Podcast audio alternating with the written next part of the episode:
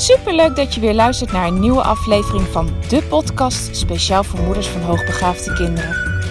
Mijn naam is Eveline Noordzij en in deze podcast deel ik tips en inspiratie, zodat jij meer en meer in jezelf gaat geloven en durft te vertrouwen op je intuïtie. Want jij bent precies de moeder die jouw kind nodig heeft. Hoe ga je om met uitdagende situaties? Wat heeft jouw kind van jou nodig? En hoe zorg je voor verandering in je gezinssituatie door jouw eigen persoonlijke groei? Ik heb er veel zin in om dit allemaal met jou te delen. Dus laten we voor vandaag maar gaan beginnen.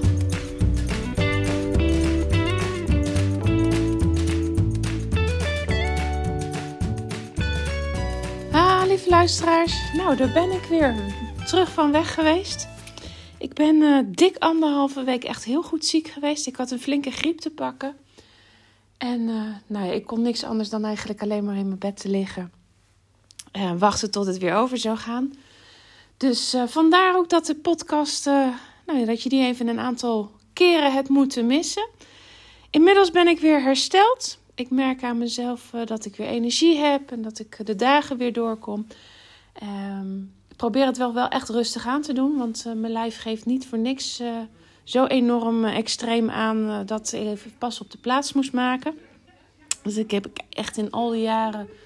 Nou, kan ik me niet heugen dat ik zo ziek ben geweest. Dus ik neem even de tijd voor alles. Maar de podcast pak ik weer op. Dus vandaar, ik ben er weer. Fijn dat jullie ook weer luisteren.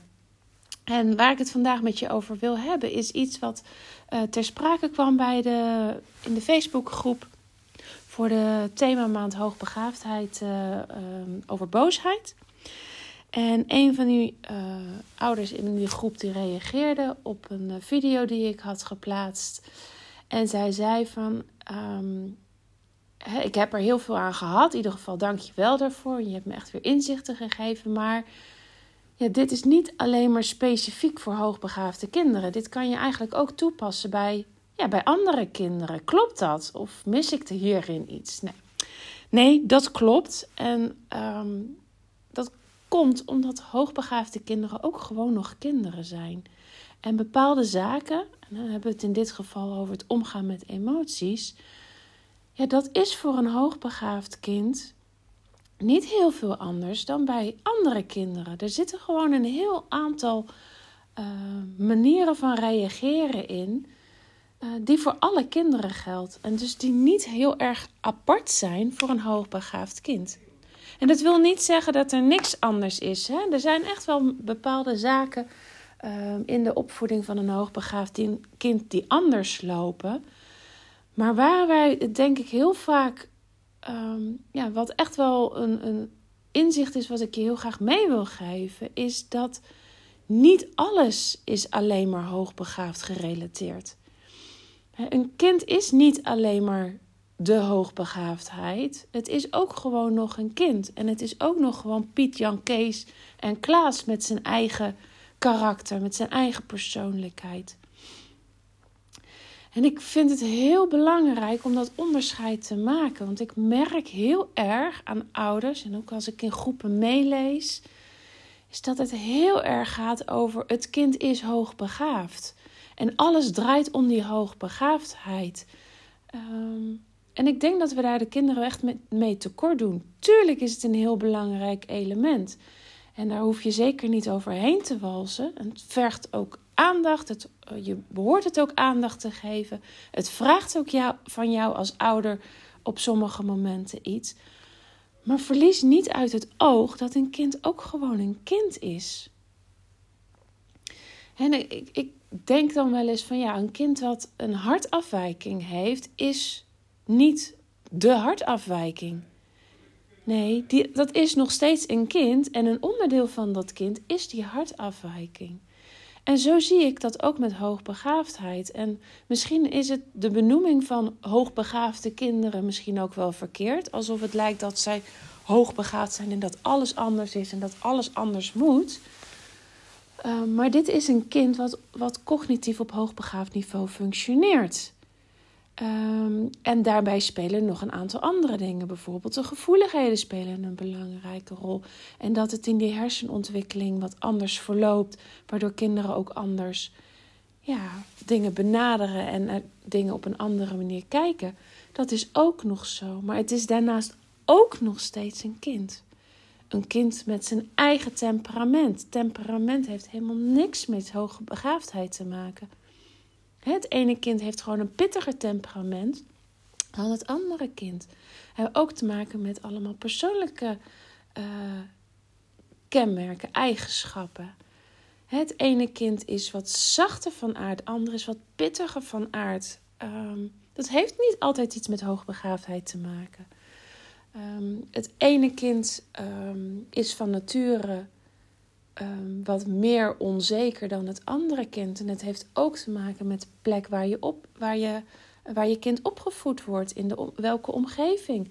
En tuurlijk kan dat versterkt worden door hoogbegaafdheid. En tuurlijk kan het versterkt worden op het moment dat een kind niet uh, de omgeving geboden krijgt die het nodig heeft. Of als er, het kind bepaalde uitdaging niet mag doen, omdat uh, bij wijze van een school zegt: Ja, maar zover ben jij nog niet in je ontwikkeling. Of nou, dat bieden wij pas aan in groep 3, 4, 5 of 6.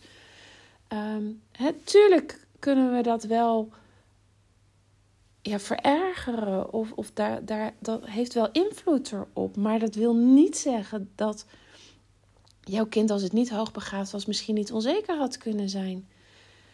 Weet je, ik heb in de afgelopen jaren natuurlijk ook gewoon heel veel andere kinderen gezien dan hoogbegaafde kinderen. Ik heb in de jeugdzorg gewerkt.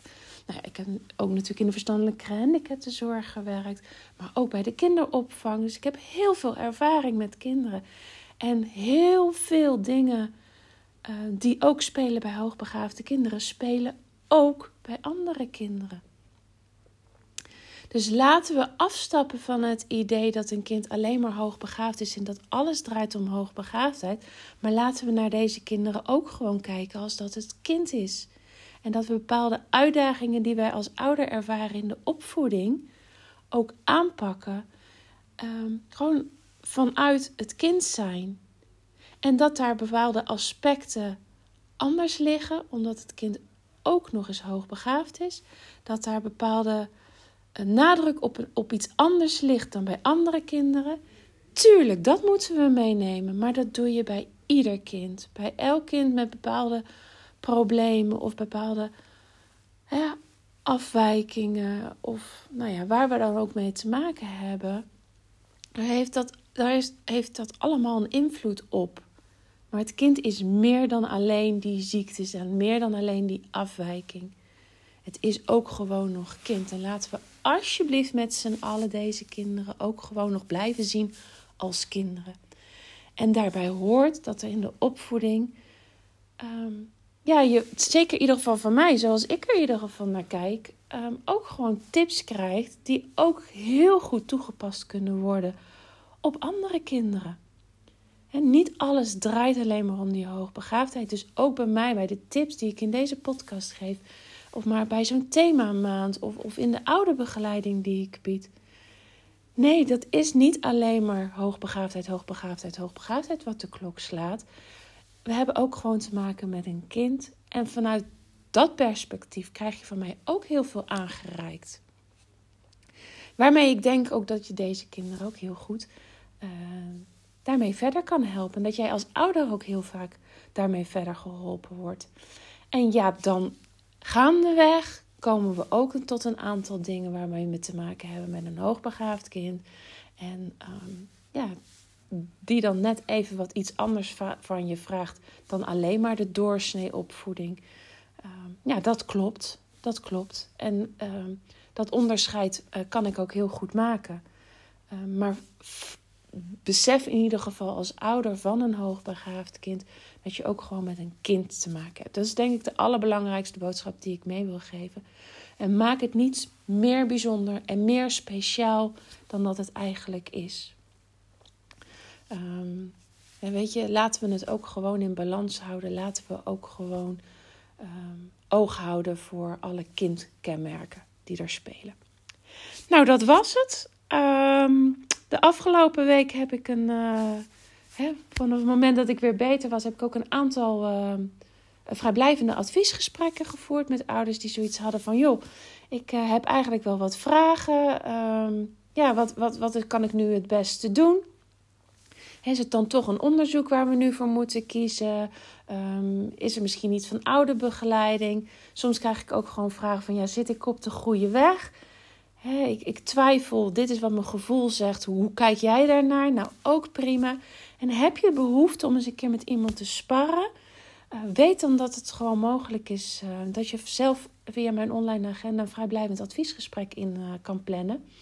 Um, en dat ik gewoon even met je meedenk. Van, goh, zit je op de goede weg? Denk je de goede kant?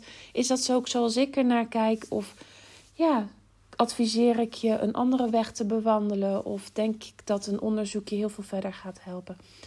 Um, nou, weet in ieder geval dat het mogelijk is. In de beschrijving van de podcast zal ik ook weer opnieuw de link naar, de, naar mijn online agenda zetten. En dan uh, kijk ik er naar uit uh, als je een afspraak inplant om je ook weer te spreken. Nou, dankjewel voor het luisteren. Ik wens je een fijne dag en ik spreek je maandag weer opnieuw. Groetjes, doei doei!